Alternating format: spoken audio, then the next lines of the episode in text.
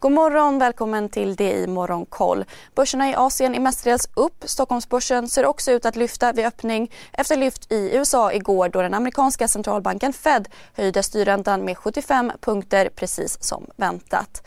Fed-chefen Jerome Powell antydde även att det kan bli lämpligt att sakta ner takten på räntehöjningarna framöver beroende på hur läget ser ut. Den amerikanska dollarn tappade mot samtliga större valutor på beskedet. De amerikanska räntorna var i princip oförändrade. I Asien handlas Tokyobörsen, Shanghaibörsen och Shenzhenbörsen svagt uppåt. Hongkongbörsen går mot strömmen och backar runt en halv procent. Wall Street-börserna lyfte rejält inför stängning igår. S&P 500 var upp 2,5% tekniktunga Nasdaq 4,5% och Dow Jones Industriindex 1,5% Bland bolagen rapporterade Facebooks ägarbolag Meta sämre resultat än väntat efter stängning. Bolaget flaggade även för en fortsatt svag annonsmarknad framöver. Aktien steg 6,5% under dagen men föll tillbaka 4,5% i efterhanden.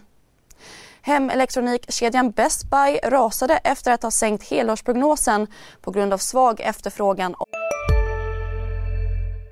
CSRD, ännu en förkortning som väcker känslor hos företagare.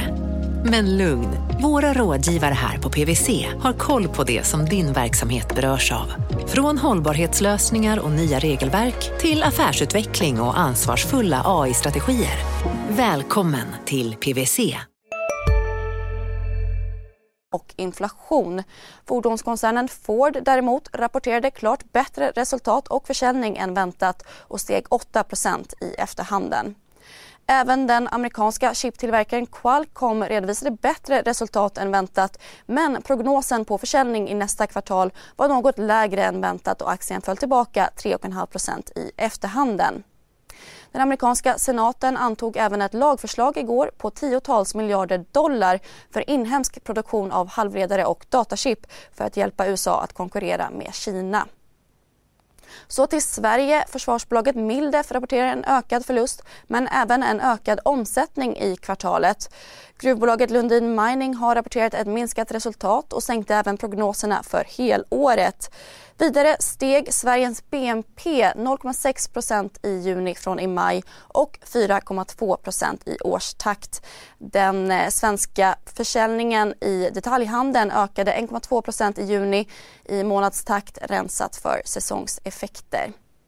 På dagens agenda har vi KIs konjunkturbarometer för juli och ytterligare en rapport från säkerhetskoncernen Securitas klockan 13. Vi får även amerikansk BNP i eftermiddag. Missa inte heller nyheter igen klockan 10 och klockan 13. CSRD, ännu en förkortning som väcker känslor hos företagare. Men lugn, våra rådgivare här på PWC har koll på det som din verksamhet berörs av. Från hållbarhetslösningar och nya regelverk till affärsutveckling och ansvarsfulla AI-strategier. Välkommen till PWC. Hej, Synoptik här. Så här års är det extra viktigt att du skyddar dina ögon mot solens skadliga strålar. Därför får du just nu 50% på ett par solglasögon i din styrka när du köper glasögon hos oss på Synoptik. Boka tid och läs mer på synoptik.se. Välkommen!